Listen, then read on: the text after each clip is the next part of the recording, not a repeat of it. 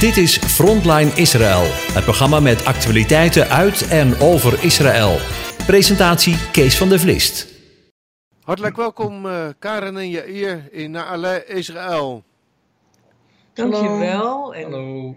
leuk om er weer te zijn. Ja, goed om elkaar weer uh, te spreken na een week. Hè? Ja, zeker. Ja, Ja, die weken die uh, snellen voorbij. Het is weer 21 januari, toch? Ja. ja. Ja. 20. Zo. Nee. Hoe maken 21. jullie het? 20. Hoe maken jullie het? Ja hoor, gaat goed. We Ja? hebben een hele regenachtige week gehad. Het was wel heel koud. Ja, Echt, we zijn zo blij dat we nu dit jaar eindelijk een keer een normale kachel in huis hebben. Eh, vorig jaar deden we het altijd maar van die straalkacheltjes. Nou, dat Ja. was gewoon niet warm te krijgen, de benedenruimte. ja. Eh, en Waar verwarmen jullie dan op? Nou, Elektra. Elektra. Oké. Ja, het is Ja. Ja. En vannacht heeft het echt in, in het noorden van het land enorm gesneeuwd. Echt de hele noorden, het Zwaat en Germond ligt onder de witte laag. Heel mooi natuurlijk. Ja. En, eh, ja, Want wat het is de temperatuur zo'n beetje bij jullie op dit moment? Nou, op dit moment is het inmiddels alweer 7, 8 graden. Oh ja. Eh, vandaag is het ook droog de komende dagen. Ook wel Ja. weer fijn natuurlijk. Want alles was eh kleddernat. Ja, Ja, ja, ja. het was koud. Nou ja, hier. jullie hebben er veel voor gebeden, toch?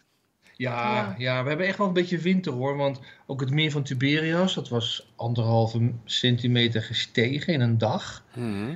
En nog minder dan 2 meter, ik geloof 1,82 meter te gaan. En dan is het echt helemaal bomvol. Ja, dan is de stroomt de bak over, zeg maar. ja, ja.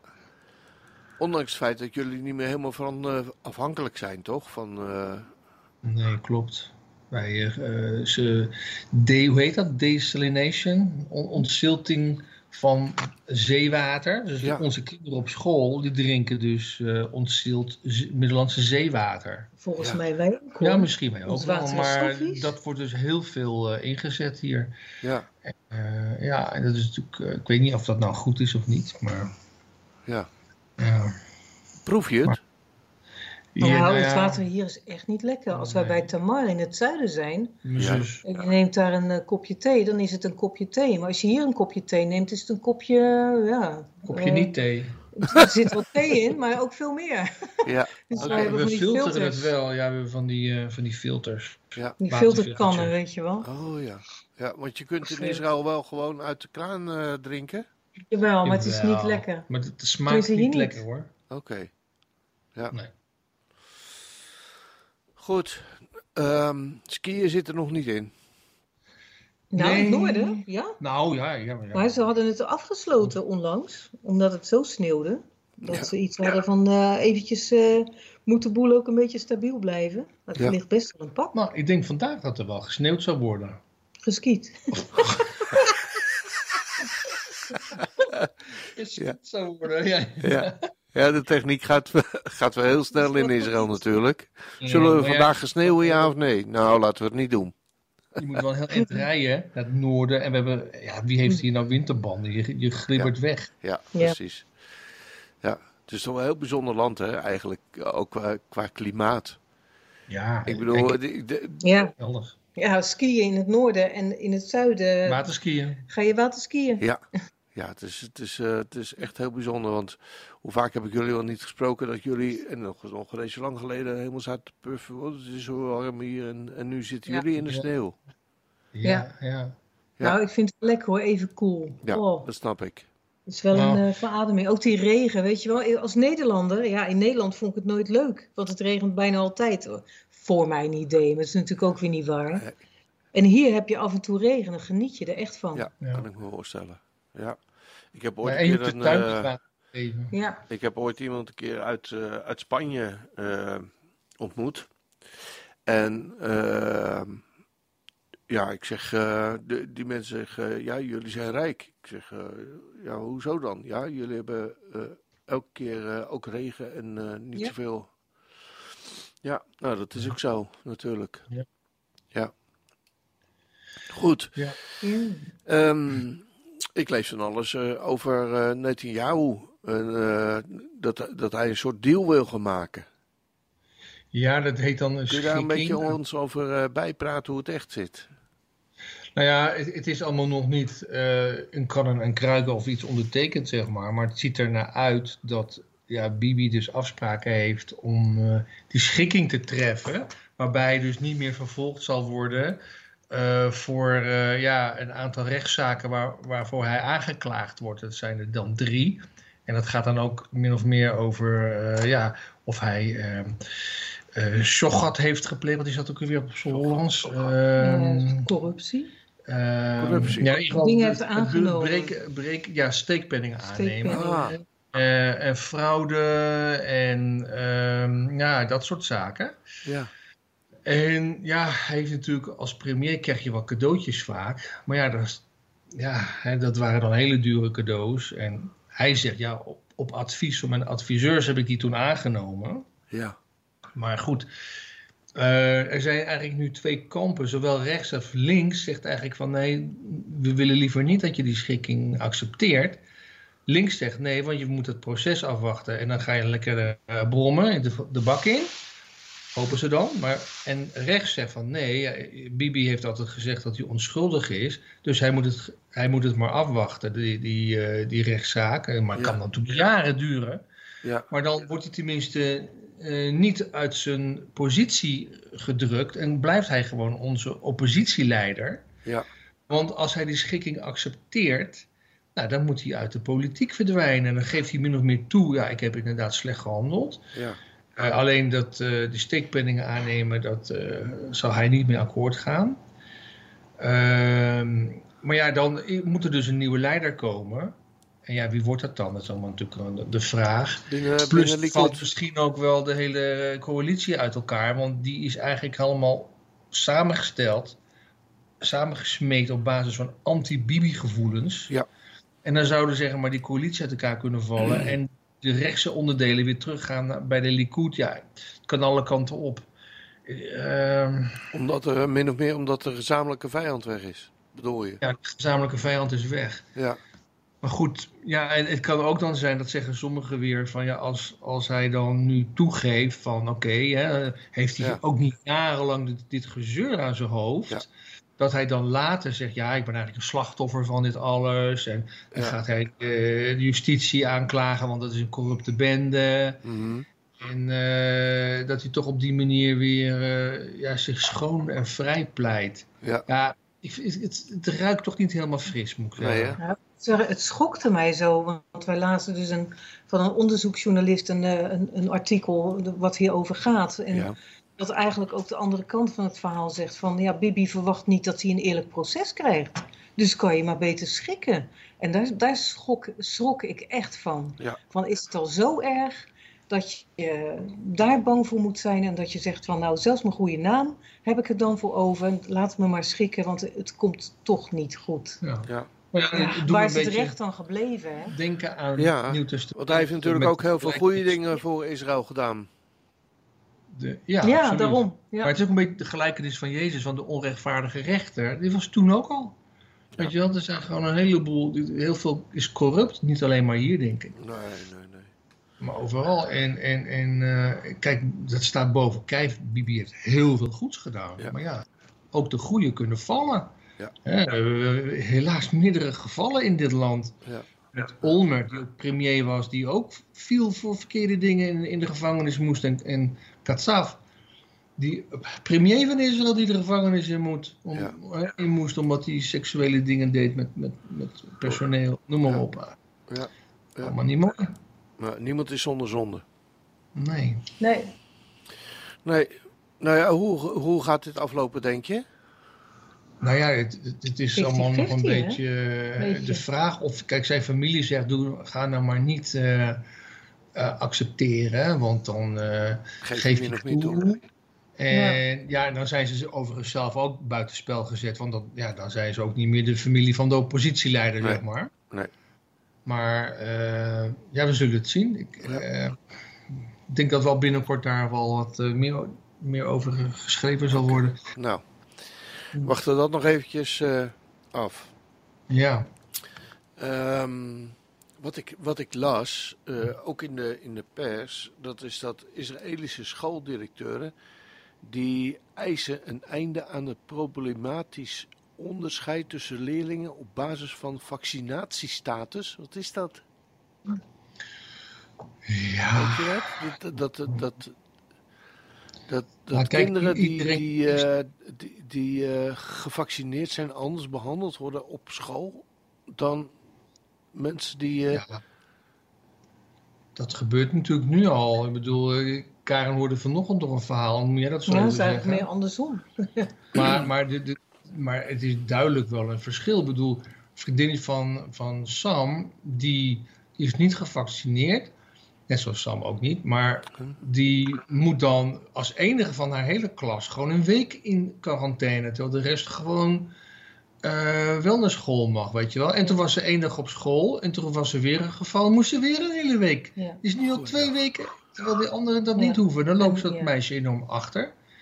En dan maakt het niet uit of je een positieve of een negatieve test hebt. Het maakt helemaal niet uit. En of ze nou een antigenetest doet. Nee, Als nee, je nou nee niet hoor. ziek bent, niks. Je moet gewoon in in quarantaine. Nou, Het is dat echt zegt toch wel zo heel, eh, een zo raar apparaat. ook. Ja, en, en, en eh, waar- waarom moet ze dan in quarantaine?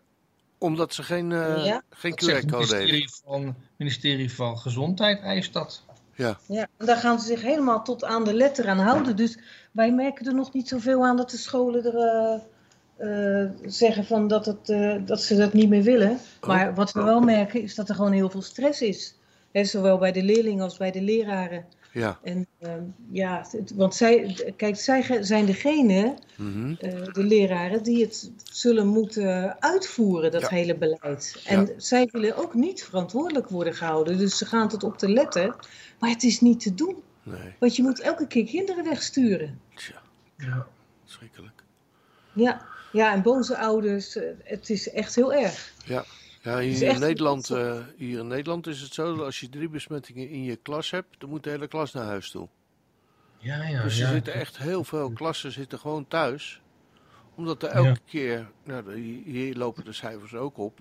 Eh, gelukkig nog niet zo hard als bij jullie, maar daar hebben we het zo nog even over. Maar dan, dan eh, gisteren zag ik een, eh, een, een, een directeur van een, eh, van een klas, nee, van een school langskomen, waarbij vier klassen gewoon weg waren. Zo. En om de havenklap, want nou ja, ook kinderen lopen er natuurlijk heel snel op. Ja, zeker. Ja, ja. Ja, nou ja, in ieder geval onze kinderen die hebben dan weer eh, Zoom vanaf afgelopen Oké. maandag. ja. Omdat de hele school dicht zit? Nou, Ja, alleen bijna als- wel. Alleen bijna als wel. Examens en tentamens hebben, moeten ze naar school komen voor die, voor die eh, testen. Dus als ze een, eh, Oh ja. eh, of ook een schriftelijke overhoring of zoiets dergelijks, dan moeten ze wel naar school komen. Ja, en Sam had dus al zijn boeken op school in zo'n kluisje. En dan moest hij gisteren dus al die boeken halen. Nou, we hebben hem op moeten halen, want er was veel te veel zware boeken. Ja. Om dat soort dingen ook, weet je wel. Met- Ze slepen dus hun boeken eh, weer terug naar huis. En volgende week gaat het misschien weer, weer naar school. Ja, het is gedoe, gewoon eh, een enorm gedoe. Ja. Ja, ja, ja, ja. Hoe ervaren ze dat zelf? Eh, Nou, ik vroeg Ja. het vanmorgen nog aan Rut. Ze vindt Ja. het ook niet, niet handig dat je Zoom. Nou ja, voorlopig nog wel. Want hoeft ze niet om kwart over zes op te staan. Ja, dat is wel zo. En dat scheelt echt, hè? Want eh, Ja. anders moest ze kwart over zes opstaan om zeven uur bij de bushal te staan. ja, En nu hoeft ze, ja, kan ze kwart voor acht opstaan. En dan eh, dan is het nog rustig om kwart over acht begint school. Ja. Maar eh, ze zei, ja, het moet niet te lang duren, want ik heb helemaal geen sociale contacten zo meer. Nee. Nee. Dat was echt wel haar grote, grootste probleem, Ja. ook vorig jaar. Voor Ja. zoveel jongeren. Er zijn zoveel zijn echt somber en eh, Ja, ja, dat hoor je steeds weer. Ja, Echt, ja zien hier het- in Nederland ook, hè? Ja, ik moet zeggen, met Rut gaat het nu gelukkig wel, wel echt goed. Ze is wel happy. Daar zijn we wel heel dankbaar voor. Maar zij kan ook zichzelf, en dat is zo mooi. Hè? We bidden natuurlijk heel veel ook voor onze kinderen, voor alle kinderen. Mhm. Zij kan zich ook heel goed zichzelf vertellen van ja, maar wacht even, relativeer dit nou eens. Oh ja, En dat vind ik wel heel knap van haar. ja, Ja, Ja, dat is heel ja. mooi. ja, En eh, ja, we zien ook gewoon echt dat gebed gewoon helpt. Weet je wel, van, eh, het is gewoon nodig om eh, echt te bidden voor de kinderen nu. ja, nou en of. In deze, moeilijke tijden. Ja. Ja. Maar ja, wat we wel gisteren ook tegen mij zei van, goh, de week vliegt voorbij. Eigenlijk zijn de dagen korter, inderdaad, omdat ze niet zo vroeg op hoeft. Maar ook als ze klaar is met school, is ze ook al thuis. Ja. En, eh, dat is, als ze normaal gesproken naar school gaat, niet zo. Dan is Nee. ze soms om, eh, nou, vijf uur of zo thuis op zondag. Nou, dan moet ze door de files heen, heen en door de files heen ook terug. En de bussen komen laat en het is allemaal niet leuk. Dus Nee. vaak halen ze het dan wel even op. Maar toch, dan moet je ook nog weer door de file heen. Sta je ook in de file. Ja, Ja. toestand. Maar dat zijn lange dagen zeg. Ja, dat is niet leuk. Ja. Ja, en dat zes dagen in de week. Want Ja. daar hebben we het ook vorige week over gehad. Dat Ja. Vrijdag is ze dan ook pas om half drie thuis. Nou, dat is toch ook al een hele dag alweer Ja, voorbij. Ja. Ja, Ja. dus eh, dat is jammer. Het is vroeg donker. Dus ja. Ja. Oh ja.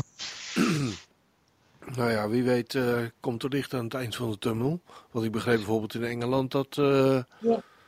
Nou, daar gooien ze de hele boel eh, zo ongeveer los. Ja. Maar ik Nou, hoorde vanmorgen op de bid stond ook dat een paar dames dat zeiden. Van, eh, het kan zijn dat Israël het los gaat gooien, maar nou, om, we zien het nog niet. Nee, We moeten maar kijken. nee. nee er wordt wel meer zoiets gezegd en Ja. dan blijkt het heel tegenovergesteld te zijn. Ja, Ja. is ook zo. Is ook zo. Nou, de, de week is een beetje vreemd, eh, of eh, best wel eigenlijk ernstig begonnen. Hè? Want eh, we hebben gelezen van een schutter die in de synagoge van Texas, nou ja, ja. het een en ander uitgevreten heeft. Ja, joh, vreselijk. Kun je ons een beetje vertellen wat, hoe jullie... Ja, nou ja, kijk, zodra er iets gebeurt in buiten Israël wat met, ja, met Joden te maken heeft, Ja. eh, een aanval of een aanslag, dan, dan hoor je het hier ook meteen. Hè, dat die, die verbinding eh, die betrokkenheid is natuurlijk heel sterk. En eh, wat er dus dan in, ja, in die reformsynagoge in Colleyville in Texas plaatsvond, dat werd meteen ook hier natuurlijk uitgebreid in het nieuws gegooid. En we, ja, hè, dat duurde twaalf uur geloof ik in totaal. ja, Dus iedereen was betrokken bij, bij die vier mensen die gegijzeld werden. En ja, er komen dus nu ook allemaal weer verhalen naar boven. Wat gebeurde er? En heeft hij ze nou vrijgelaten? Maar het blijkt dus dat die man dus uiteindelijk gewoon even zijn aandacht miste. Had hij zijn pistool neergelegd en de rabbijn die gooide toen een stoel naar hem toe. En toen konden ze dus wegvluchten. En toen is dus de, zijn, is, ja, de politie verder binnengekomen en hebben die schutter weten te overmeesteren. Maar in die tussentijd, na al die uren dat ze bij hem waren, werden ze dus volgegooid met antisemitische leuzen. En jullie joden dit, jullie joden dat.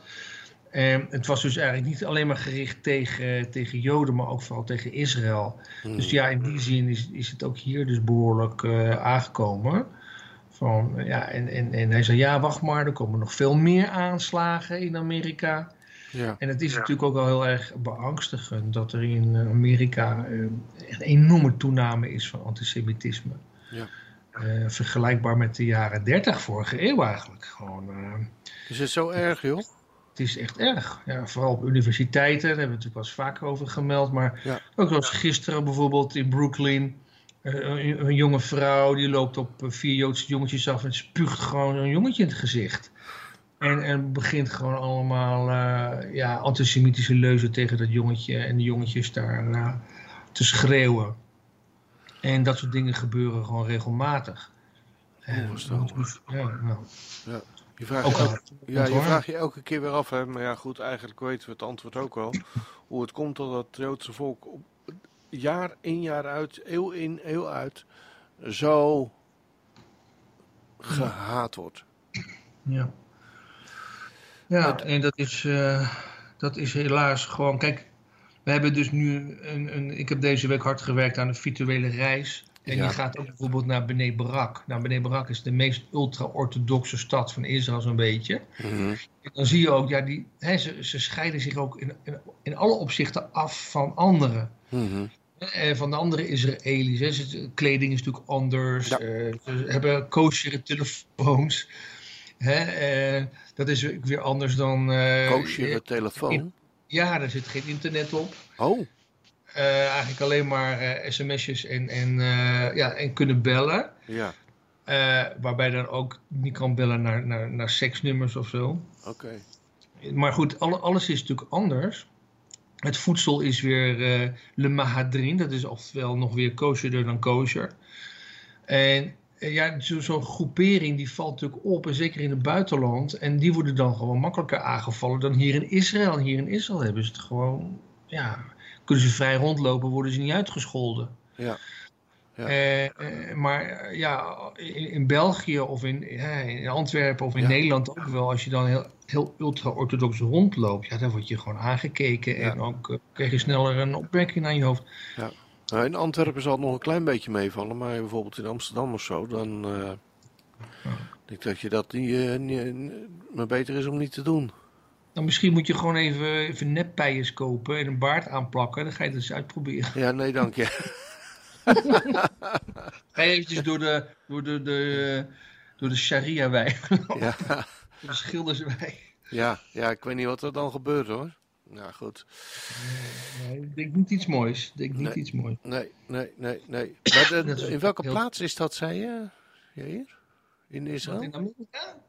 Uh, nee, dat is in Israël. Dat is Bnei Barak. Ja, Bnei Barak. Dat is, dat, is eigenlijk een sub, ja, substad, zeg maar, onderstad, ne nevenstad van Tel Aviv. Ah. Uh, Bnei Barak is ooit gesticht door uh, een aantal families. Ja. Uh, die daar ja, min of meer een agrarische settlement neerzetten. Ja, en, en dat is toch uitgegroeid. Dat is natuurlijk ultra-orthodox. Er zitten ook Satmar-joden. die zijn dus heel anti-Zionistisch. En, en de, de, de Satmars... Ja, dat is helemaal een aparte gemeenschap, joh. Dat, uh, ik weet niet of je wel eens uh, een orthodox gezien hebt. Ja, ja. Maar dat gaat eigenlijk over zo'n meisje uit zo'n familie. Ja. En uh, ja, heel strikt en streng. En ja. daar kom je niet zomaar tussen en ook niet zomaar uit, laat maar zeggen. Nee. nee. En, um, ja, die zitten dus ook daar in, uh, in Bnei Barak. Ja. En ja, en, en vooral ook in Amerika. En die ja. zeggen ook, ja, we moeten niet zelf de staat Israël stichten. Ja. Dat moet onder leiding van de Messias gebeuren. Mm -hmm.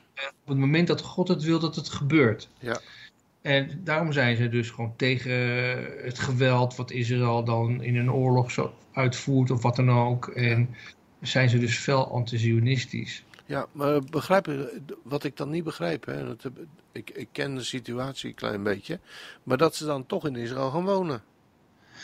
Ja, maar bedoel, ze, ze wonen gewoon, ze kunnen natuurlijk overal in elk land gaan wonen. En Israël is natuurlijk wel voor hun de bron Hè, dicht bij, uh, bij Jeruzalem. En Bnei Barak zelf komt ook nog, uh, ja, Rabbi Akiva uit de Mhm. tweede eeuw.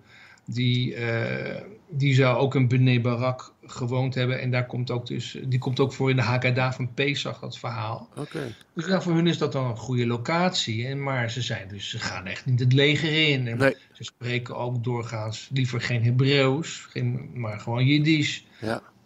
De, de groep komt oorspronkelijk uit eh, Hongarije. En eh, de Oké. nazi's hebben enorm veel Satmars eh, ook vermoord. Oh, Ja.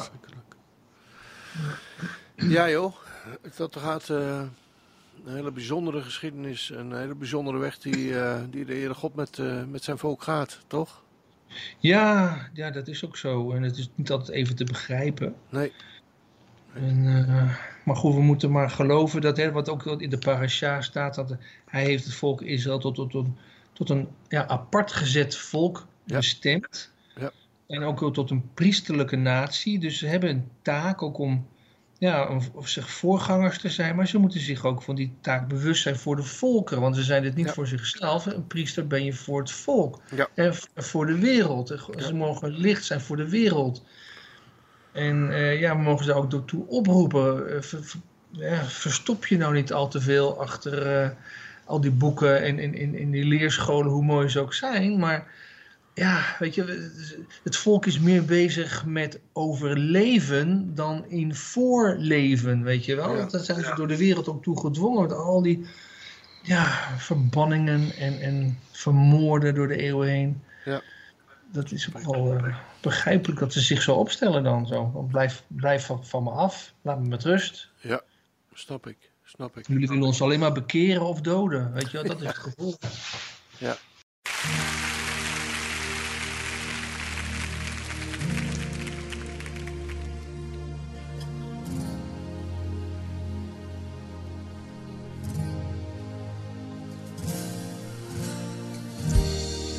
Are we sure והאחרון. האלף והתו.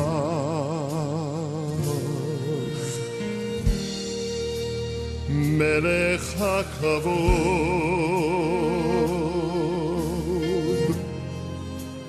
מלך המלכים. Yeshua who Adon. Say Ha Elohim. Ra'ui לכבוד.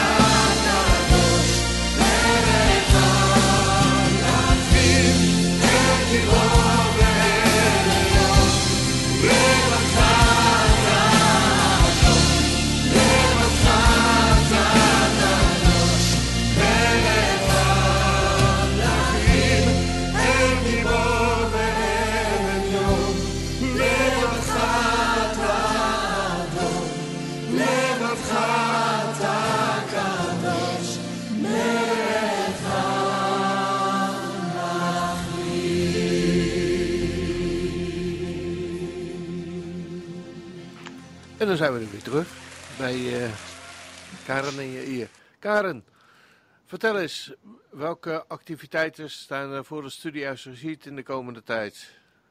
Ja, dan beginnen we 27 januari met Psalm 1, een Zoom-webinar. Ehm, en dat is hartstikke leuk, want dan gaan we echt naar het Hebreeuws kijken. En Het eh, is dat zo'n overbekende psalm, hè? Die psalm Ja, 1. dat is zo mooi. Ik zing het op vrijdag vaak eh, als we de Shabbatmaaltijd hebben. Ja, hè, want daar zingt dan altijd de man voor de vrouw het uh, Esit Gail, hè, het eh, lof der degelijke huisvrouw. Het klinkt altijd Ja. mooi. Maar dat is heel mooi. Dus, ehm, en voor de vrouw is het dan heel mooi om voor de man juist dat lied te zingen over Psalm 1. Van welzalig de man die niet wandelt in de raad der goddelozen. ja Dat is zo'n mooi lied. Het gaat natuurlijk verder, want dat lied eh, pakt maar eh, eh, drie versen van de psalm. En daarna gaat het ook alweer over de goddelozen. En dat pakken we natuurlijk in deze Zoom-studie ook aan. Van ja, dan gaan we eens kijken, wat is dan een goddeloze? Wat is dat eigenlijk? Ja. Wie, wie is dat precies? Is dat iemand die God niet kent of is het iemand die God wel kent? Ja. En ehm, ja, dat soort dingen. Nou, Dus eh, van harte aanbevolen doen we via Zoom half acht. Natuurlijk weer eh, 27 januari. En het duurt ongeveer een uurtje. super. Dus eh, ja, leuk. Kosteloos. We gaan met de pet rond, maar niks hoeft. Het moet voor iedereen eh, behapbaar blijven. Mooi. Dus, eh, Fijn Ja. dat jullie dat op die manier ook eh, zo kunnen en, en willen doen. ja, ja, het is zo mooi om te doen. Ja. Dit is nog een baan. Jongen, jongen. ja. Ja, je, bent, je realiseert je dat je soms, ja, dat je gewoon een van die bevoorrechte mensen bent Ja. die mag doen wat je wil doen. En dat is dan nog je werk ook. Ja. Dus ehm, ja, het is gewoon goed God zegent het. Ja, precies. Dat merken we wel. En we zijn nu met de nieuwe site bezig. We willen al die dingen ook eh, eh, daar gaan bundelen. En dat mensen gewoon lekker kunnen kijken en zoeken. En, Mooi. ja, het is mooi. Dat, om gewoon de mensen wakker te maken. Dat er zoveel meer is als we de Bijbel lezen. En eh, dat je ja, zoveel dieper eh, in de Bijbel kunt eh, graven. Schatgraven. Ja, precies. Zo noem ik het altijd. Ja. Altijd mooi. En je wordt er niet eens vies van. Dat heeft weer een voordeel. Ja, mooi. Ja, dus dat is 27 januari, Psalm 1. Dan 3 februari hebben we meteen, het is, daarom zijn we ook zo druk, hebben we ook de reis van Naale tot Tel Aviv. Ah. Dat is de titel die we het geven. En we beginnen dus in ons dorpje Naale, gaan we wat dingetjes over vertellen. En dan eh, reizen we af richting Tel Aviv. En Tel Aviv, ja, dat is eigenlijk toch de bakermat van het moderne Jodendom. Ja, Dus we leggen ook echt dingen uit over de ontstaansgeschiedenis. Eh, we vergeten niet de prachtige bouwhoudstijl. ja. En eh, aan de hand van filmpjes en foto's en dergelijke, ook een interview, ehm, gaan we die reis doen. We volgen de loop van de Sorek-rivier, die helemaal vanuit Bet Shemesh, zeg maar het voorgebergte voor Jeruzalem, helemaal naar, eh, richting Tel Aviv loopt, eh, tot waar het uitmondt in de zee. En het nog in Shollet het Minutiemuseum in Rehovot, Wow. Bnei Barak, enzovoort, enzovoort. Het wordt echt leuk. Dus Nou.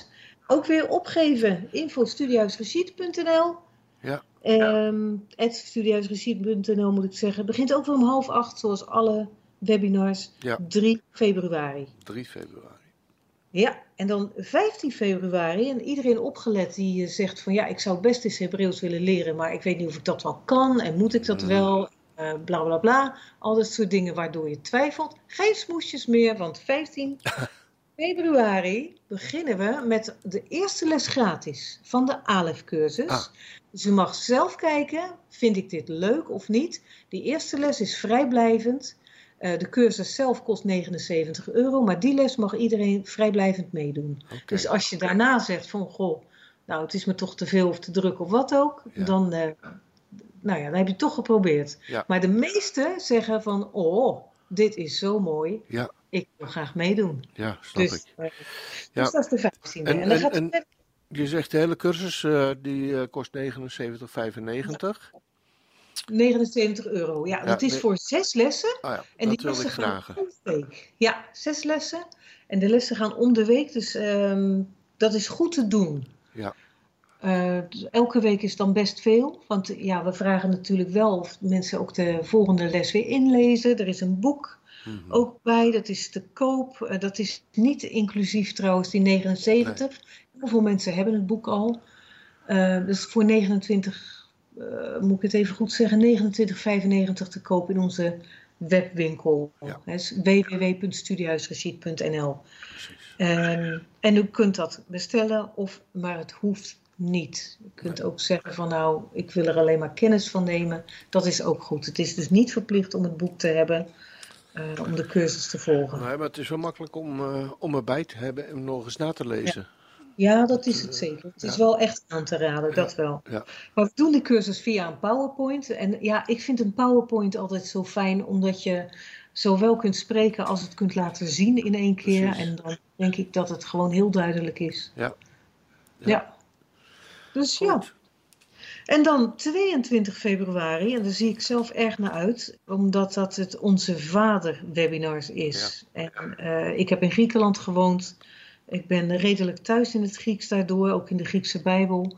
En eh, het is gewoon ook heel mooi om een webinar te geven, wat in principe in feite over tekst gaat wat in eh, het Grieks er staat. Maar Grieks kun je altijd terugvertalen naar Hebreeuws. En dat is heel interessant, dat dat kan. Nou, Eh, en daar gaan we dus lekker mee aan de slag. Dat is 22 februari. Ook weer een gratis webinar. Ehm, half acht avonds weer. Wie mee wil doen, stuur ons even een mailtje naar info.studiehuisgeschied.nl en dan zetten we u erop. super. Dankjewel. Ja, Je maakt en ons wel eh, in ieder geval een beetje nieuwsgierig, hè? Ja, ja, het is echt leuk. Ja, het is, laten we de agenda even wat het is, want we moeten de site afkrijgen Ja. met alle artikelen erop en dat moet gewoon ook even. Dus we laten even, want we springen tegen het plafond van de drukte zo'n beetje. Ah. super. Maar goed, Goed. we zijn hard bezig.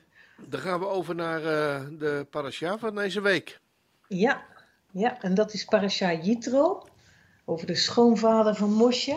Dan lezen we Exodus 18 vanaf vers 1 tot 20 helemaal uit. Dat is voor sommigen vers 26, voor anderen 23. Voor degenen die een Engelse Bijbel lezen, vers 18. Maar ik hou het maar even op 20 vers 26. In ieder geval 20 helemaal uit. Hoe dat soms zit met die versen, dat weet ik ook niet. Maar goed, uit de Haftara lezen we Jesaja 6 vers 1 tot 7 vers 6. En dan ook nog 9 vers 6 en 7.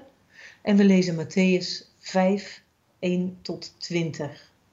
Nou, Jitro, de schoonvader van Mosje, is volgens de Joodse overlevering een nazaat van Abraham via zijn vrouw Ketura.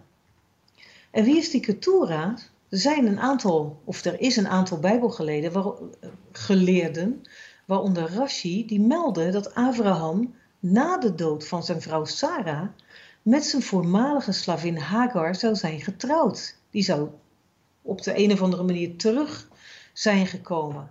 En dat die Hagar en Ketura dus eigenlijk dezelfde persoon is. Hagar die zou altijd rein zijn gebleven en niet met andere mannen hebben samengeleefd. En ze zou daardoor zijn geweest als wierook. En wierook is in het Hebreeuws ketoret. En van ketoret is het taalkundig een kleine stap naar de naam Ketura. Nou, Jitro erkent Elohim, JHWH, als de allerhoogste God. Het staat in Exodus 18, vers 11. En hij is blij dat het allemaal zo goed is afgelopen met het volk na die vreselijke onderdrukking in Egypte. De priester uit Midian, het huidige Noord-Saoedi-Arabië, is een wijs man met strategisch en maatschappelijk inzicht. Hij heeft kennis van de religies uit die tijd en bevestigt dat de God van Israël de enige ware God is die boven elke afgod uittorent. Hij geeft zijn schoonzoon het advies om niet te veel hooi op de vork te nemen, door overal zelf de hand op te willen leggen. Mosje moet zorgen om niet oververmoeid te raken. Hij moet werkzaamheden uitbesteden en vertrouwen op wijze raadgevers. Want Mosje is leidsman, profeet en ook nog eens rechter. En dankzij Jitro wordt hij flink ontlast in al dat werk. Hoofdstuk 19 verhaalt over de bijzondere band die God opbouwt met zijn geliefde volk. Hij heiligt hen tot bruid. En het zal een volk van koninklijke priesters zijn, apart gezet, geheiligd, met het doel om het licht te zijn voor de volkeren. Om de volken voor te leven aangaande de wegen van de schepper. De uitverkiezing van Israël is gericht op het behoud van heel de wereld, want heel de aarde is van hem, staat er in vers 5. En het hele volk staat daar vol spanning bij de berg Goref en zegt tegen Mosje dat ze zullen doen wat ze beloofden en dat is hun God te volgen. De verschijning van Gods aanwezigheid bij de berg is een gebeuren wat ingegrift is in het geheugen van heel het volk, tot op de generatie van vandaag de dag. Er zijn niet alleen priesters aanwezig die de donder horen en de rook zien. Nee, heel het volk is getuige, volgens vers 18. Zijn stem is als het geluid van een shofar en er staat dat zij de kolot, de stemmen, ook zien. Kolot in het Hebreeuws wordt vaak vertaald met bliksem, maar letterlijk is het stemgeluid. Letterlijk staan de woorden van wat God spreekt door de geluidsgolven in de lucht geschreven. Ook wie doof is kan het meemaken. En dat wat men hoort en ziet, blijft langer in het geheugen bewaard.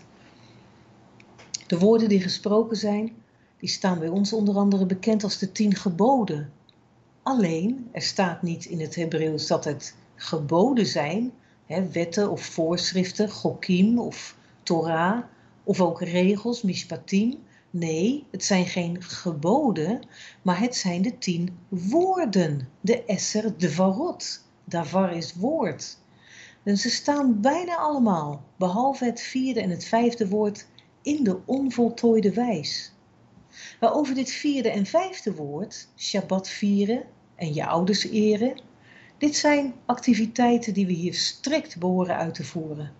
En die overige acht woorden, die worden ons ook op het hart gedrukt en deze staan, behalve voor nu, ook voor de toekomst, in de onvoltooide wijs dus. En dat klinkt beloftevol. Ooit zal de tijd aanbreken, waarin men geen andere goden dient, waarin men niet steelt en niet echt breekt, dat men niet zal moorden en bedriegen enzovoort. Dat klinkt toch als beloften?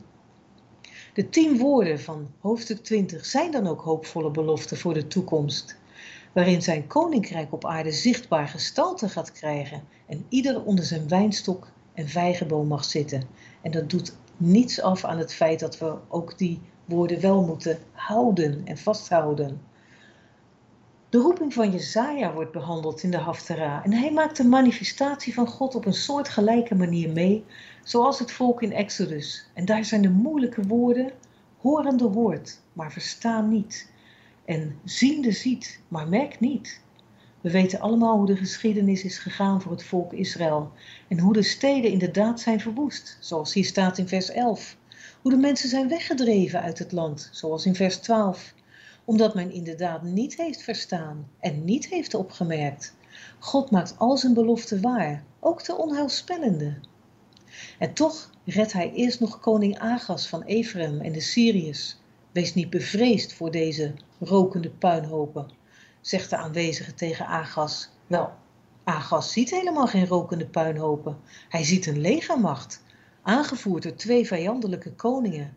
Maar wanneer God met deze twee klaar is, zijn het wel twee rokende puinhopen. Pas op voor de toorn van God. En dan waarom de lezing in Matthäus nu midden in de zaligsprekingen moet beginnen, is ons onbekend.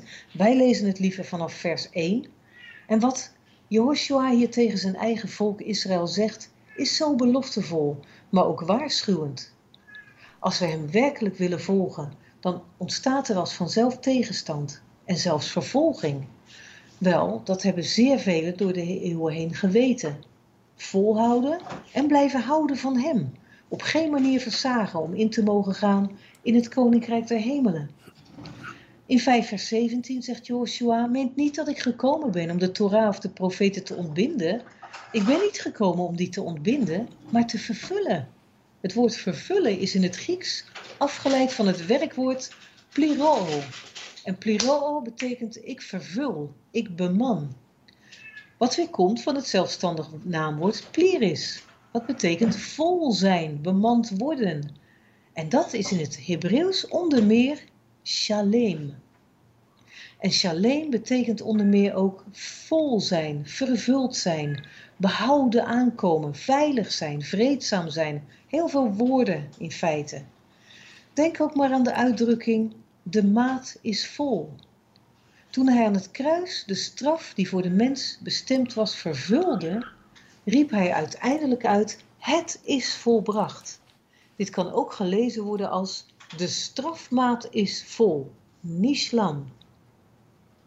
Nishlam is die passieve vorm van shalem, wat ook betekent herstel betalen. Van shalem, herstel betalen, komt shalom, vrede of letterlijk heelheid.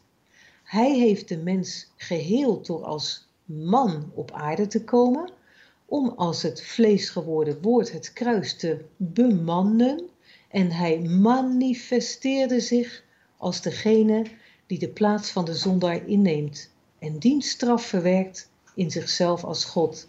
Misschien viel het op, je moet het eigenlijk geschreven zien. Hij kwam als man op aarde, bemande het kruis, manifesteerde zich als degene die de straf verwerkt. De God, man en Messias, de onnavolgbare God, hoe wonderlijk zijn zijn wegen. We kunnen alleen maar diep dankbaar zijn. En is de Torah dan door dit gebeuren afgedaan? Volstrekt niet, zegt Paulus al. Er zijn heel veel teksten te noemen waarin staat dat dat dus niet zo is. Is de wet van de zondemacht afgedaan? Ja, als het goed is wel. Maar dat ligt aan onszelf. Gaan we in zijn volbrachte werk staan of blijven we sudderen in het oude? Aan ons de keuze. Shabbat shalom. Ja, dankjewel weer, eh, Karen. Eh, met name het laatste gedeelte, dat, eh, dat wil ik nog wel eens een keer goed nalezen in Ja. je... Ja, om dit te horen is lastig, want dit gaat te snel. Hè? Dat, dat Grieks erbij en het Ja. Hebreeuws erbij. Ja, En met name dat woord shalem is een waanzinnig mooi woord. De basis van het woord shalom. Ja, Hè? Vrede. Ja. En shalom is niet alleen vrede, maar met name heelheid. Ja. Dat je geheeld bent. Je bent genezen, als het ware. Ja. Ja, dat komt van het woord, werkwoord shalom. Dat betekent genezen, heel maken. Ja, en dan is shalem herstel betalen.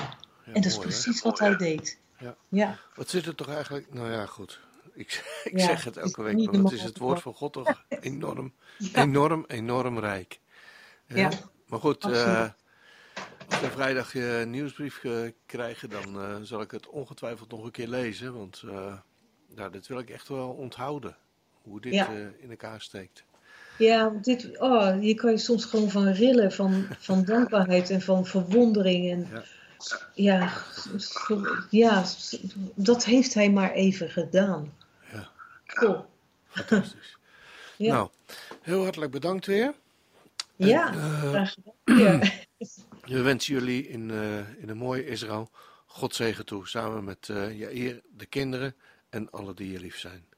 Ja, dank dankjewel. En jullie ook. Dankjewel. we- voor jullie en voor jullie regering. En maar ja, we Liedrood. houden elkaar vast. Literot. Doeg. Niet erop. Doeg. Doeg.